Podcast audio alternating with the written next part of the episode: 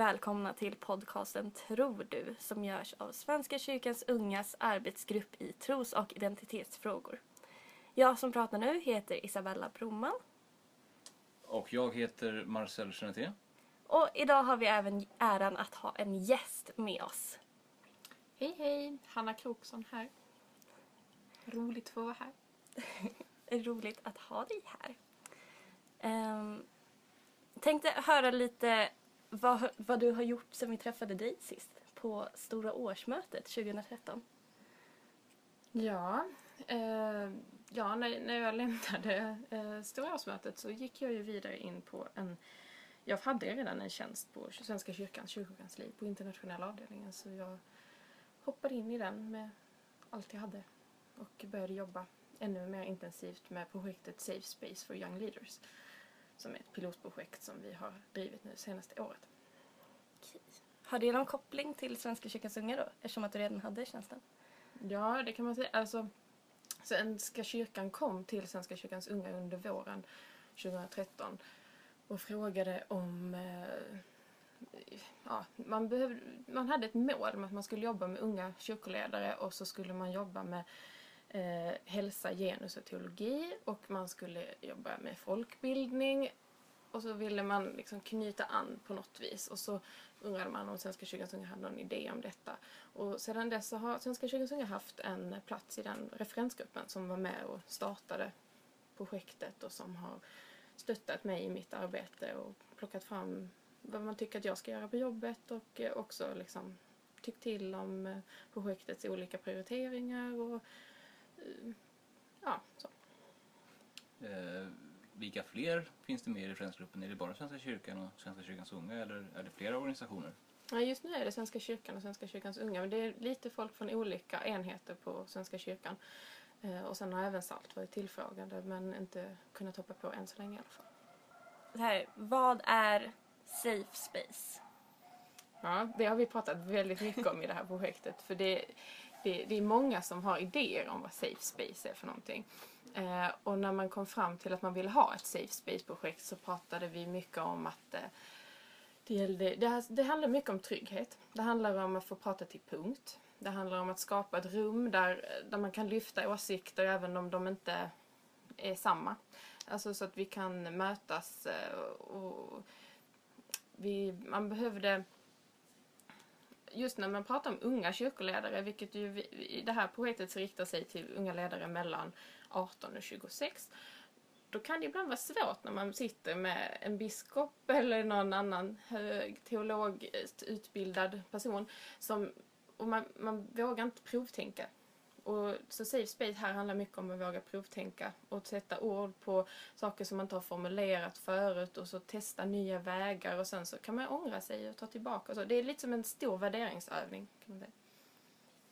Jag har sett eh, många bilder förut på dig i eh, solsken och eh, såg väldigt varmt och härligt ut. Så är Safe Space liksom en fysisk plats eller är det den här idén? Safe Space är en idé men eftersom att vi är, ja, från början så var vi fem stycken partnerländer med i projektet och sen är det fyra stycken som har valt att skicka unga ledare. Eh, så har det inneburit en hel del resande för mig, bland annat till lite varm, varmare platser här under vintern. Så jag har ju varit i Swaziland och i Sydafrika och i Tanzania och i Etiopien. Och det är då både, vi har fyra unga ledare med från Sverige, och fyra är från Sydafrika, fyra från Tanzania och fyra från Swaziland. Så det känns jätteroligt. Men om två veckor så kommer de ju hit och då kommer Safe Space vara här i Sverige. Vad ska Safe Space göra i Sverige? Ja, förhoppningsvis så ska vi lyfta det ytterligare en nivå. Vi träffades en vecka då i Swaziland, alla 16 unga ledarna, också jag och en kollega från Sydafrika.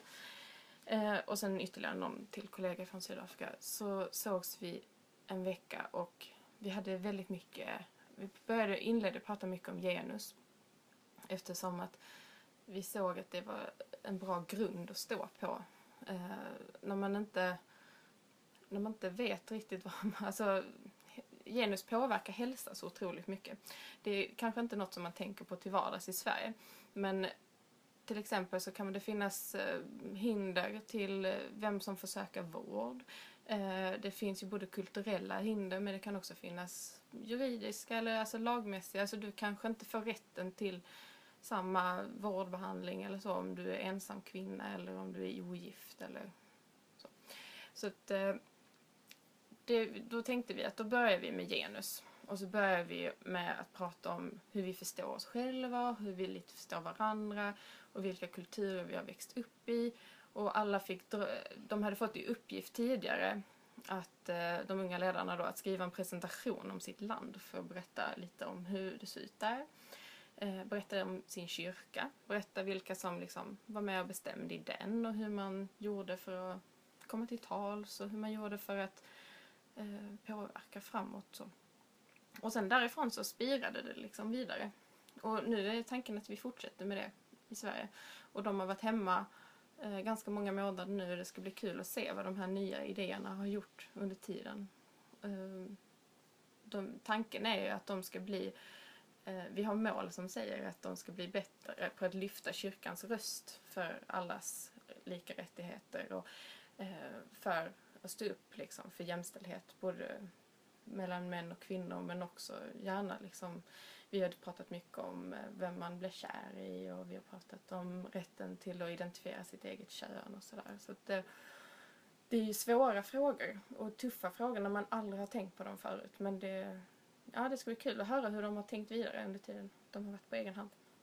Vi kommer också förbereda en hel del inför världens fest eftersom att tanken är att de ska vara med liksom där och redovisa lite vad de har gjort. Ehm, vi kommer ha på världens fest, det är ju Svenska kyrkans internationella arbetets liksom, stora partykonferens där man lyfter upp eh, vårt internationella arbete ur alla de fantastiska sätt som, som finns och det kommer flera partners på besök och det ja, vi liksom hyllar hela Guds skapelse på ett väldigt strålande sätt tycker jag. I år så är det i Karlstad.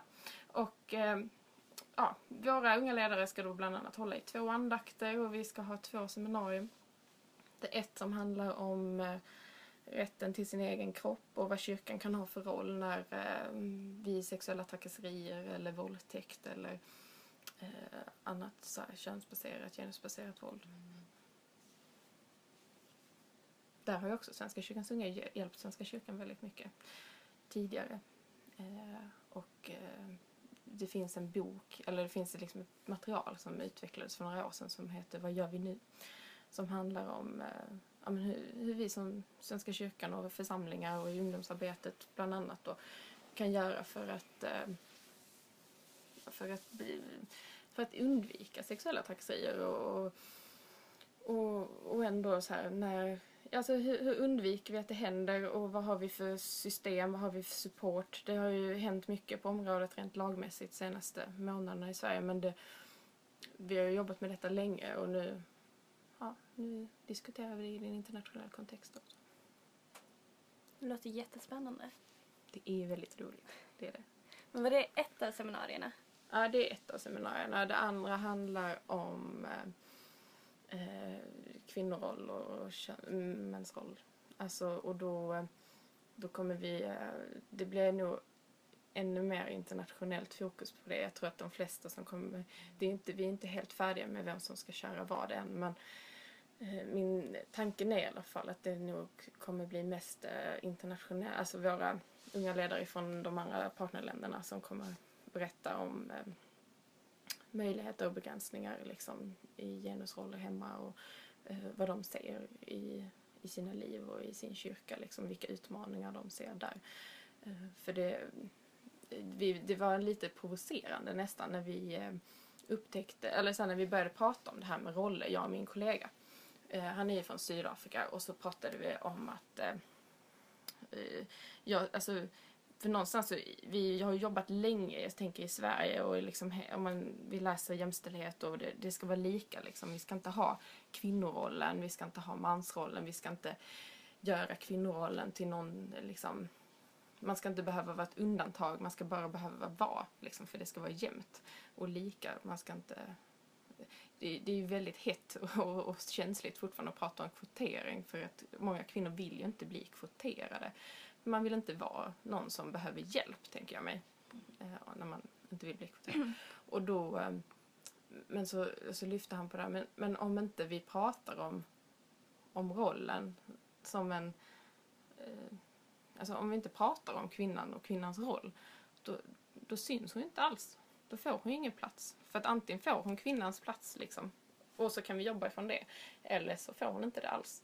Eh, det var lite hans ingång. Och sen har vi ju pratat jättemycket om det här, men det är liksom eh, man måste hela tiden så här värdera, omvärdera och man måste testa och man måste... Det handlar som sagt mycket om att provtänka och utforska och definiera. Att få vara med och definiera vilka möjligheter det finns och utmaningar. Jag tänker så här, de frågorna du lyfter är sådana som jag själv har funderat mycket över och Mm. pratat väldigt mycket över med, men kanske inte i en internationell kontext. Blir det väldigt annorlunda diskussioner då eller är det, jag tänker med liksom andra kulturella ingångar och sådär? Eller känner man igen eh, tankarna och Jag känner igen mycket. Det gör jag verkligen. Eh, och det är ju no- ofta liknande mekanismer. Alltså om vi tittar på strukturerna. Tyvärr så är det ju inte... Men, men, men, men sen så... En av ingångarna till att starta det här projektet handlar ju om att sänka mödradödligheten i världen. Det handlar om FNs millenniemål om att sänka mödradödligheten. Och då vet vi att man måste se på kvinnan på ett annat sätt liksom, för att hon ska ha rätt till eh, sin kropp och rätt till vård och, och så. Och då... Ehm, och där har ju Sverige lyckats jättebra. Vi har ju väldigt låga mödradödlighetssiffror liksom om man jämför med resten av världen. Och, och jag tror att det är för att vi pratar om det mer. Alltså, och vi har, vi har ett helt annat socialt trygghetssystem här än vad man har på många andra ställen. Vilket också har hjälpt kvinnan jättemycket. Så det, det är ju, man är ju mycket friare som kvinna, så är det ju. Och, eh, och, det, och det är ju en skillnad. Men, eh, men, men du träffar precis lika, alltså om du om du hittar en riktigt radikal feminist i, på Stockholms gator eh, och du kan hitta en precis lika radikal feminist i Sydafrika eller i Swaziland, tror jag. Men det är liksom, men de har inte de har helt andra utmaningar än vad vi har. Och i Swaziland så har, alltså, eller ja, även i resten av Afrika, men särskilt i Swaziland så har du ju en enorm utmaning kring eh, an, antalet som är HIV-positiva. Eh, det var någon av mina kollegor som nämnde att det var närmare halva befolkningen nu enligt nya siffror som är HIV-positiva i Swaziland. Och det, det är svårt att sätta sig in i det. I, när man kommer härifrån och det är inte ens, det är inte ens en procent. Det är jättesvårt. Det är, våra unga ledare därifrån pratar ju liksom verkligen om, men det är nu vi tar fighten liksom för livet. Och det, ja, det, det är roligt när kyrkan kan vara, alltså kyrkan ska ju fightas för livet. Eh, det är helt rätt. Så det är skönt när vi kan bidra. Och det, alltså vi har jättehäftiga partners som gör jättestor skillnad i sina samhällen. Det är många som frågar sig om det här med genusfrågor och sånt verkligen är kyrkans sak. Jag tänker lite på den här debattartikeln som Svenska kyrkans ungas numera ordförande och vice ordförande skrev under på att införa ett tredje alternativ när man ska skriva in kön och så att vi och arbetet som eh, gruppen för normmedvetet arbete genomför och är det verkligen kyrkans sak? Och så hör man ju det som du berättar nu och att det kopplas så hårt till liksom hälsa och liv. Och då tänker man så här. Jag vet inte, nu provtänker jag. Ja. Eh, försöker lära mig det här konceptet. Men för att ett argument jag har hört är att Svenska kyrkan skulle vara en vänsterkyrka för att engagera oss i de här frågorna. Ja. Okej. Jag, jag, jag fortsätter provtänka här då. Men eh, det är ju, alltså någonstans så... Det, ja, det... det usch, det, det jag tycker det blir svårt när man kopplar ihop de här frågorna. Men, men någonstans så för... Ja, det är jättemånga som anklagar Svenska kyrkan för att vara en vänstervriden kyrka. Och man är, man är mycket mer vänster än, tycker man. Än. Men jag tycker det är så svårt när man pratar om vänster och höger överhuvudtaget när vi pratar om kyrkor. Alltså, Svenska kyrkan är...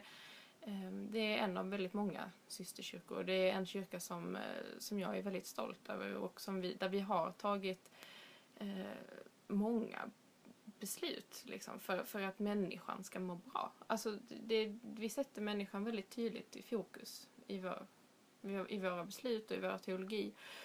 Och det... Men människan har liksom rätt till ett helt liv. Och, och man har rätt till hela sig själv. Vilket är någonting, alltså att vara... Vi, vi tror att Gud blev människa, vi tror att Jesus tar, och Gud liksom tar del av den kroppsliga erfarenheten det är att vara människa. Och då, och då blir kroppen också viktig för oss. Och om man då motsäger sig en del av kroppen eller man tar bort liksom den kroppsliga erfarenheten ifrån från oss, då, ja, nej, jag, jag tycker ju liksom inte att det, det, det känns ju konstigt på något vis när vi samtidigt tror att Gud kommer hit och blir människa för att vara, för att visa liksom att jag är här. Jag är, jag, är, jag är bland er hela tiden. Jag är hos er, jag vet vad det är ni, ni lever liksom. Och då, att ta bort den mänskliga erfarenheten Eh, och förneka kroppen, det tycker jag känns väldigt konstigt. Nu säger jag inte att alla andra gör det, men det, det är lätt i, i särskilt i västerländsk teologi så blir det lätt eh, en motsättning mellan kropp och själ och mellan eh, ja, delar av en människa och då, då tappar vi liksom delar av skapelsen också tycker jag. Vi är ju gjorda så som vi är.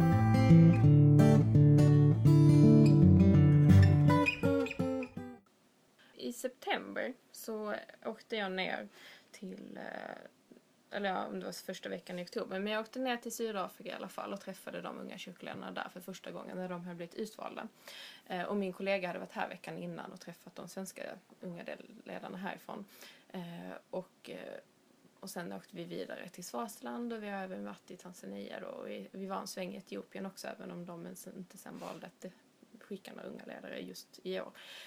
Eh, men då eh, så gjorde vi så här brainstorming-övningar med dem. Vi har några teman och begrepp i våra mål också som vi vill liksom att de... Vi, tanken är ju att de unga kyrkoledarna ska vara med och få definiera vilka utmaningar kyrkorna står i. Eh, och där så, och då nämner vi så här, ja, sexualitet, vill vi veta vad, vad menar man med det? Kyrka, vad betyder det för oss som är unga kyrkoledare idag? Vad betyder samhället? Vilka samhällsutmaningar ser vi?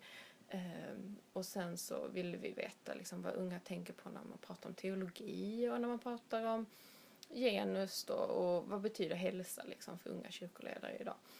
Och då Ja, alltså det, dels, dels är det lite häftigt att se att många av unga kyrkoledarna som vi har träffat nu då, de har ändå tyckt ganska, de har ju lyft liknande saker i alla de här länderna, fast de lyfter det på lite olika sätt. Eh, tydligast. eh, och det är därifrån också som vi då insåg att vi behöver jobba mycket med genus i början. Och det tydligaste exemplet på det var när vi var i, eh, i Swaziland. Och eh, innan så vet jag att jag hade hört lite, ja ah, men tjejerna från Svaziland de kanske kommer vara ganska tysta. Och så kommer jag dit och så är de liksom de mest tuffa brudarna jag har träffat på länge. Och de är liksom verkligen så här, vi har också rättigheter, vi är också människor. Varför behandlar inte våra liksom föräldrar oss som människor nästan? Alltså det, man pratar väldigt mycket om kulturella eh, motsättningar och, och någon av de som de sitter och, så, och vi pratar om det här ganska länge. Och, någon berättar så, ja ah, men eh, jag frågar liksom, vad gör ni då? Alltså så här på dagarna. Eller så, ja ah, men eh, generellt då ja men eh, man kommer hem, eh, man hoppas ju att man går i skolan. Eh, och så, så, men högre utbildning kan vara svårt för det kan, kan vara svårt att finansiera liksom. Men eh, mm, man kommer hem och killarna liksom, de får göra vad de vill, säger de. Killarna de, de får gå ut, de får göra vad de vill. De får spela fotboll, de får plugga, de kan liksom de uttryckte att ja, men då, klart att de får bra betyg, liksom, de har ju tid att plugga. Medan tjejerna då uttryckte att de inte alls hade dem. De, var liksom, de kände sig inlåsta. De kände att ja, men killarna går ut och spelar fotboll men går vi ut så förväntar sig folk att vi kommer tillbaka gravida för då har vi blivit våldtagna. Alltså det, det är fruktansvärt hårt att höra att jag blir inte utsläppt. Eller så här, man, folk oroar sig för mig om jag går ut var det någon av tjejerna som sa liksom, men jag kan inte gå ut för då eh, skulle jag bli, skulle jag bli våldtagen, skulle jag bli gravid, alltså det skulle vara sån skam liksom. Och framförallt för mina föräldrar. Och det, alltså att leva i ett samhälle där man förväntas bli våldtagen av att gå ut. Det, det är obegripligt. det, alltså vi, vi pratar mycket om samtycke här hemma nu i Sverige. Eh, det, våldtäkt, eh, det har varit ett fruktansvärt år eh, i debatten tycker jag. Alltså vi har sett jättemånga då, hemska exempel på hur våldtäktsdomarna har sett ut. Eh, det dras upp massor av exempel på tjejer som har sagt nej. Men killarna verkar ju behandlas som att det är helt okej att de är dumma i huvudet, höll jag på att säga. Men alltså för att man kan säga att ja, men han förstod nog inte att det var ett nej. Det, det, hon, hon, han förstod inte att hon menade allvar. Nej, det är ett jättestort problem.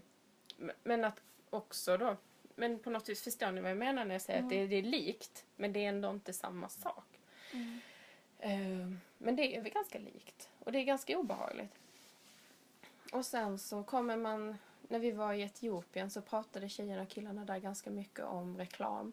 De pratade jättemycket om bilderna av flickor och tjejer som, som sprids liksom nu som på så här, ja men, som på busskurerna här hemma liksom. Att det, det är halvnakna tjejer överallt. Och, och de menade att ja, men hon blir ju en produkt. Kroppen blir ju en vara. Varför, det kan väl inte vara positivt liksom. Och, då, och det som, och, och ofta så kanske man också där då får höra att ja men det här, nu är det väst som kommer hit. Nu kommer liksom Europa, eller nu kommer USA. Och då kommer också de här planscherna på nakna tjejer och det kommer eh, ja, men sexsäljer. Och det, det, det är klart att man blir mer konservativ, tänker jag. Alltså man, man drar ju åt sig. Man blir ju inte så bara, åh men vad snygg hon är. för, för man, om man också stoppar in det i en genusstruktur. Liksom, struktur. en del av dem, alltså det här var ju masterstudenter eh, som läste genus just nu då på universitetet. Och de, de stoppar ju in det i en struktur och, och förstår liksom att ja men hon det, vi, vi förminskar hennes människovärde genom att se henne som en pryl. Genom att se henne som en reklam. Eh, och, och det är inte gott liksom. Det, då har vi ju förminskat henne. Då har vi också förminskat skapelsen. Det, jag kan förstå att man, när man blir lite reserverad. De som försvarar sån här reklam brukar ju lyfta att man måste ju låta tjejer vara sexuella och visa på sin sexualitet. Men jag känner också att det är skillnad på att få vara sexuellt frigjord och att få sin sexualitet utnyttjad för att sälja en produkt. Ja, alltså, det, det, är ju- det är en väldig skillnad på att objektifiera någon eh, eller att vara ett subjekt. Alltså så här, att vara den som gör någonting. Sen så är det ju... Man kan ju inte... Alltså man, det handlar ju mycket om att ta hand om sig själv och ta hand om de man är nära och de man står nära. Och då, om vi, vi måste ju... Man måste ju vara rädd om sig. Och, och det tänker jag att det kanske vi ofta tappar bort när vi när vi pratar om sexuell frigjordhet så, så glömmer vi liksom att man ibland glömmer bort sig själv. Det, är ju, det finns också mycket nu, det är mycket i Sverige, det är många unga tjejer som, som säljer sig på internet. Eh, många som eh, får betalt eller prylar eller liknande för att visa upp sig i olika kameror. Eh, och på något vis så reducerar man sig själv. Man ger liksom inte sig själv på riktigt. Eller det, det hoppas jag. Eller jag vet inte vad man ska säga. Men det är liksom... Man, man, man gör ju sig själv till en vara där också. I ett utbyte mot någon annan. Och det... Det är ju... Det, man blir ju... Det är ju... Nej. det, det är liksom... Jag tycker inte det är samma sak som att säga att man, eh, man är rädd om sig själv. Eller att man kommunicerar väl med, alltså att man, man blir väl bemött. Att, alltså, det är svårt att, jag tycker det är svårt att säga att om man får eh, Alltså det känns som ett utnyttjande av, eh, av en kropp liksom. Och då är det också, det är ju att skada. Eh, på något vis. Mm. Det hör ju inte riktigt samman med det här om att få vara en hel människa och att ta tillvara på den mänskliga erfarenheten och den mänskliga kroppen som Gud fick genom Jesus. Sådär. Nej, och det, vi, det är ju vi, vi vill på något vis... Eh, man är inte så fri heller då, tänker jag, om man, om man är fast i... Eh, det är ju ofta så... Alltså, jag säger inte att man inte får visa upp sig själv. Eller, alltså, det är klart man ska, man ska ju vara stolt över sin kropp. Men, men jag undrar liksom, det är, det är så lätt att tappa taget, tror jag, om sig själv. När man, när man reducerar sig själv. Om man inte är helt hundra på det man gör är bra. Eh, och, så har, och så får man någonting i utbyte som är liksom en, som man, som man har blivit en vara. Man får ett ekonomiskt liksom, vinning på något vis av att ge en del av sig själv. Då är, undrar jag hur, alltså det blir så himla lätt någonting som blir värdelöst efter ett tag.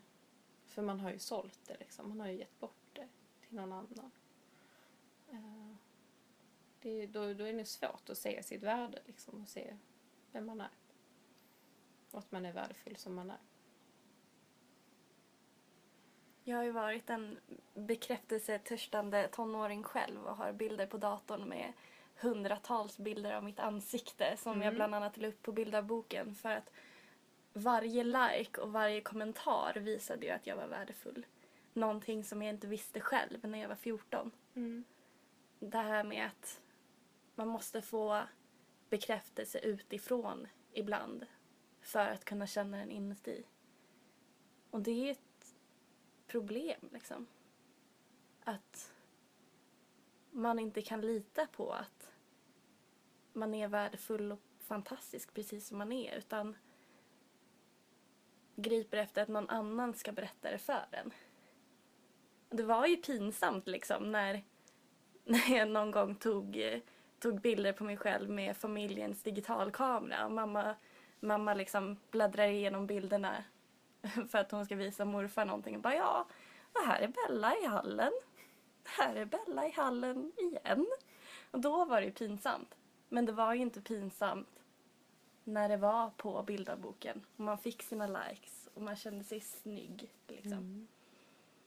Det, det jag kommer att tänka på nu är det, det är på något vis, alltså för vi, vi tror ju att vi som kyrka har en roll att spela här. Jag tänker mig, eller så här, jag har för många år sedan så, eller ja, inte jättemånga år sedan, men för några år sedan så gjorde Svenska kyrkans unga en eh, medlemsundersökning som visade på att våra medlemmarna då, man mådde ganska gött liksom, man hade det bra. Man, eh, man fanns i, ofta i en lokalavdelning där, som, och det gjorde ju då att man man var sedd. Det var någon som längtade efter en. Det var någon som liksom eh, undrade var man var om man inte dök upp den där torsdagskvällen eller måndagskvällen eller söndagen. Eh, och det var liksom...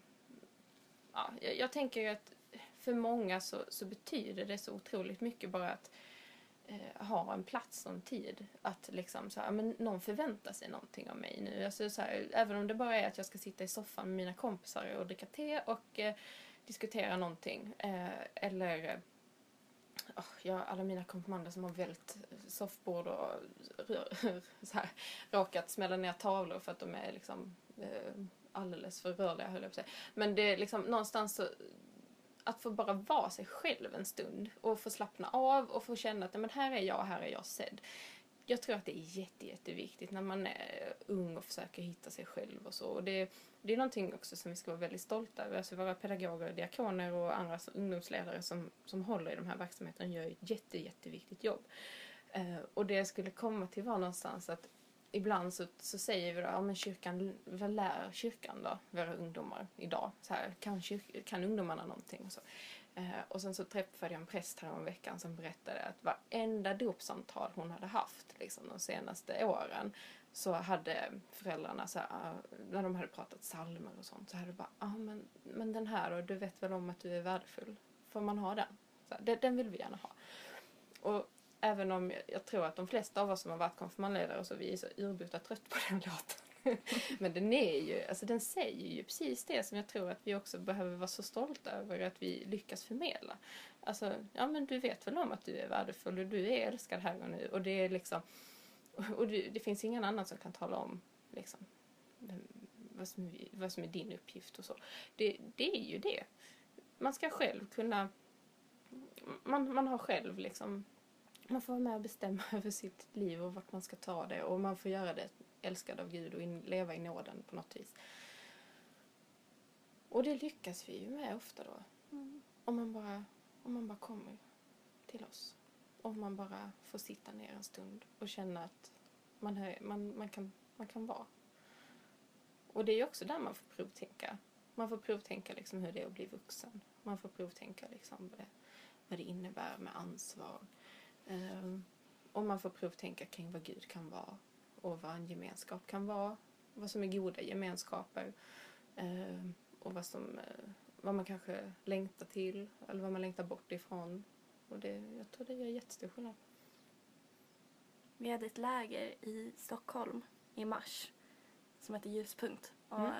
Jag satt i, i staben för det och var ansvarig. Och sen när vi kollade igenom utvärderingarna efteråt så var det ganska många som skrev det att de hade åkt på Ljuspunkt för att de ville komma bort. De ville vara någon annanstans ett tag. Träffa lite nya människor. Och alla var jätteglada över att få ha en helg med andra människor. Någonstans där man kanske får vara en ny person ett tag. Mm. Man får se nya ansikten, höra nya röster. Och det är jätteviktigt att även fast man har sin lilla lokalavdelning som man känner och älskar, att få nya sammanhang. Om det så är lägret ljuspunkt eller safe space, träffa människor från ett annat land. Få lite nya, lite ny input, lite ny kraft till att orka vara kristen. Och Ja. att vara ung. Ja, alltså för ofta så, jag tänker i Svenska kyrkans ungas eh, syftesparagraf och så, så vi, det här med öppen gemenskap. Det är ju, alltså det är ju verkligen det som, som vi är väldigt stolta över det. Och, och, och ibland så blir vi också lite klämda liksom när vi tänker, men, oj hur öppet är det? Och kommer det en ny människa till vår, till vår lokalavdelning, hur, hur, hur välkomnande är vi då? Så här, ibland så, det blir ju ibland ganska tajta gemenskaper och inte alltid så öppna gemenskaper i våra lokalavdelningar. Och det, och det är ju därför tror jag som det är så viktigt att vi behåller, alltså, alltså att man har distriktens verksamhet kvar. Att man får åka på utbildningar, att man får åka på läger tillsammans, att det fortfarande finns verksamhet på, på Riks, liksom, så här, att det finns, eh, att man, just att man man behöver det lokala sammanhanget för man behöver bli liksom lite längtad efter ibland, tror jag. Och man behöver längta också. Och man behöver bli sedd. Men man behöver också liksom så här testa sina vingar ibland. Och det är inte jättemärkligt att till exempel de som sitter i de nationella arbetsgrupperna eh, liksom, att de är lite äldre för de, de börjar ju liksom, de växer ju ur sina... De, de måste få testa sig själv på ett annat ställe. Och det är ju jättebra. Mm.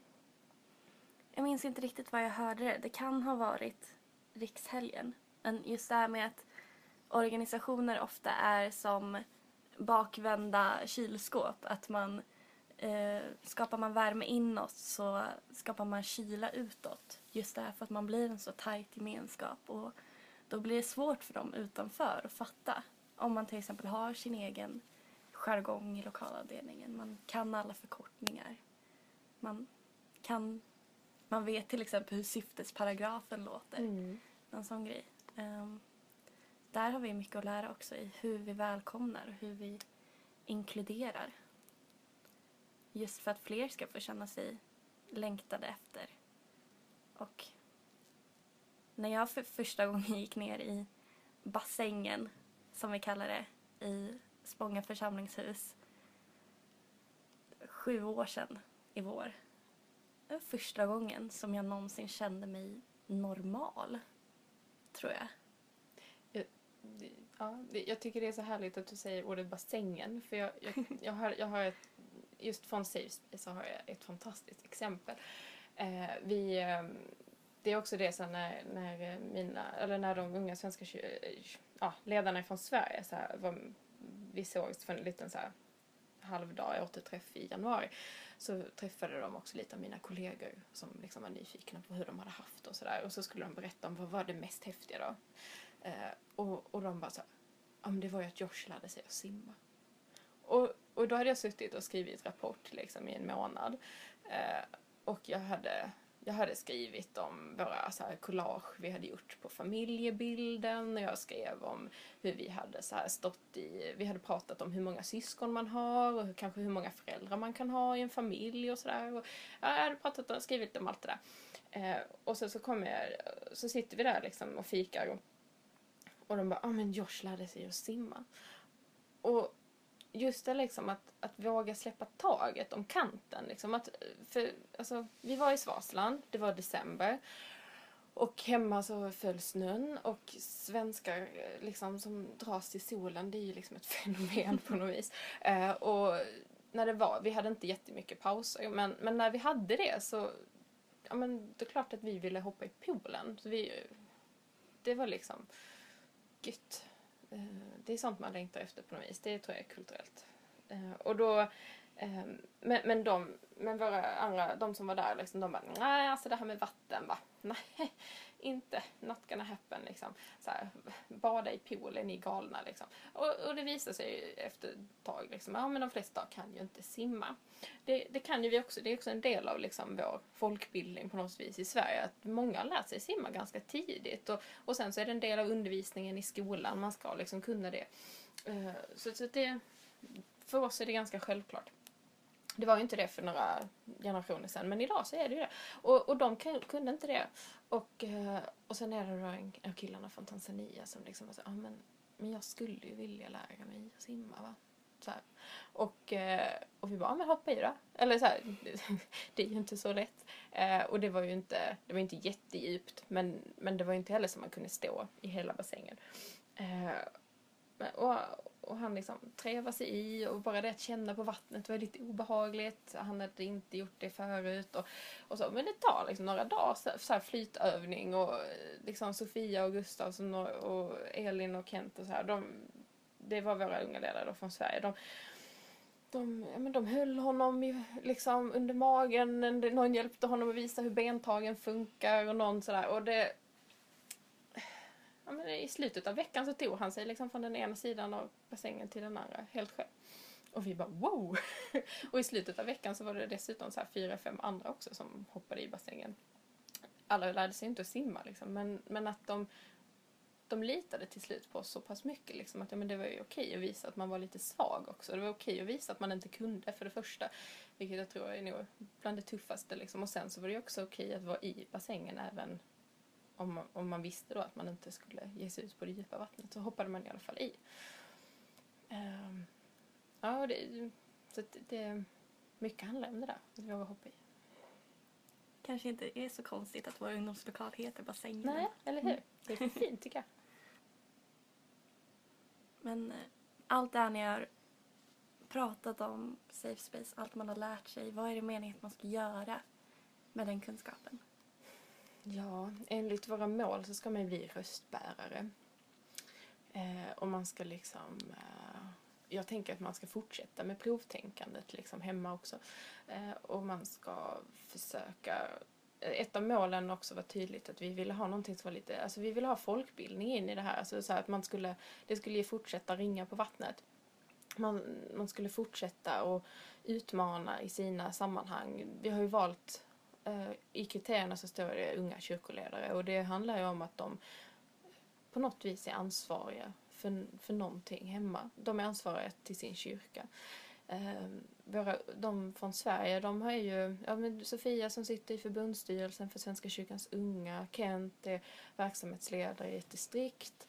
Eh, och liksom, vi, väl, vi har ju liksom valt eh, många av dem från eh, vara våra partners är präststudenter och kommer liksom att, att gå ut i prästtjänst och, och betyda väldigt mycket för väldigt många människor. Och då, att man bär med sig de här perspektiven som man har fått och man bär med sig sina nya kontakter. Man har ju mött, eh, det är tio olika kyrkor med på något vis i det här projektet. Alltså tio olika eh, delar av vår kyrkofamilj liksom finns med. Eh, och det ger ju nya perspektiv helt klart. Och, och det måste man... Men att man, vågas ut, att man vågar utmanas lite mer. Eh, så. Sen så kan man göra rent konkreta grejer också. Svenska kyrkans unga i Stockholms stift kommer att ha en diskussionskväll i början på juni där eh, bland annat då Kent och Sofia kommer vara med och prata om vad de har lärt sig och lite utvärdera hur deras år har varit. Och sen ehm, eh, var ja, Sofia och Gustav var på ett möte i förra veckan där de körde så här heta stolen-övningar med eh, olika ministrar och så som var på besök i Sverige och får prata om sexuella och reproduktiva rättigheter och, eh, eh och då, då körde de ju sådana här klassiska liksom, lokalavdelningsövningar. Så här, ja, men, alla sitter i en ring eh, och eh, om man håller man med om ett budskap liksom, så, så byter man plats med varandra eller ställer sig upp eller hur det nu var. Men, att man, ja, men och, ja, de, de fick liksom testa där och, och, och lyfta våra frågor i sammanhang på sitt sätt. Och det, det tycker jag är bra. Det hoppas jag, och det, det ser jag att de gör i, i våra, hos våra partners också. Jag har fått eh, jättefina rapporter från Tanzania bland annat där de har eh, haft eh, olika så här, diskussioner i ungdomsgrupper och någon som har haft något möte med eh, par tjejer som har eh, och diskuterat eh, könsstympning. Eh, och man pratar om det här med att gifta sig vid för ung ålder. Och, och sen så har jag, det finns exempel ifrån Swaziland där de har haft så här ungdomsdialogskonferenser i sina kyrkor. Det, där är det väldigt tydligt ett ekumeniskt projekt där det är väldigt många kyrkor som är med tillsammans. Och där det också finns fler som är utbildade liksom, eh, change agents eh, tillsammans med vår partner då, Church Forum som jobbar med HIV och aids. För att lyfta eh, alltså, ja, framförallt hur man jobbar med HIV och aids och eh, minska stigmatisering och eh, jobbar väldigt mycket för att man ska eh, man, alltså man måste testa sig helt enkelt. Man måste veta vilken status man har. Eh, och det gjorde vi också. Vi var ju i Swaziland eh, när det var World AIDS Day. Och då hade Church Forum ett så jättestort celebration för att eh, uppmärksamma. Och det, var, det var jättemycket så här ministrar och det var någon ambassadör från USA bland annat som var där. Och, då, och, och så kunde man då bland annat testa ifall man var HIV-positiv. Och det gjorde nästan alla våra ledare. Bara för att det, det, det är viktigt att veta. Det är viktigt att känna till. Och man måste ju veta om man alltså i, i Swaziland så är det också så att det, det är mer tjejer som liksom bär på HIV-viruset än vad det är killar. Och eh, så det, där är det, det, är liksom, det är tydligt en genusfråga.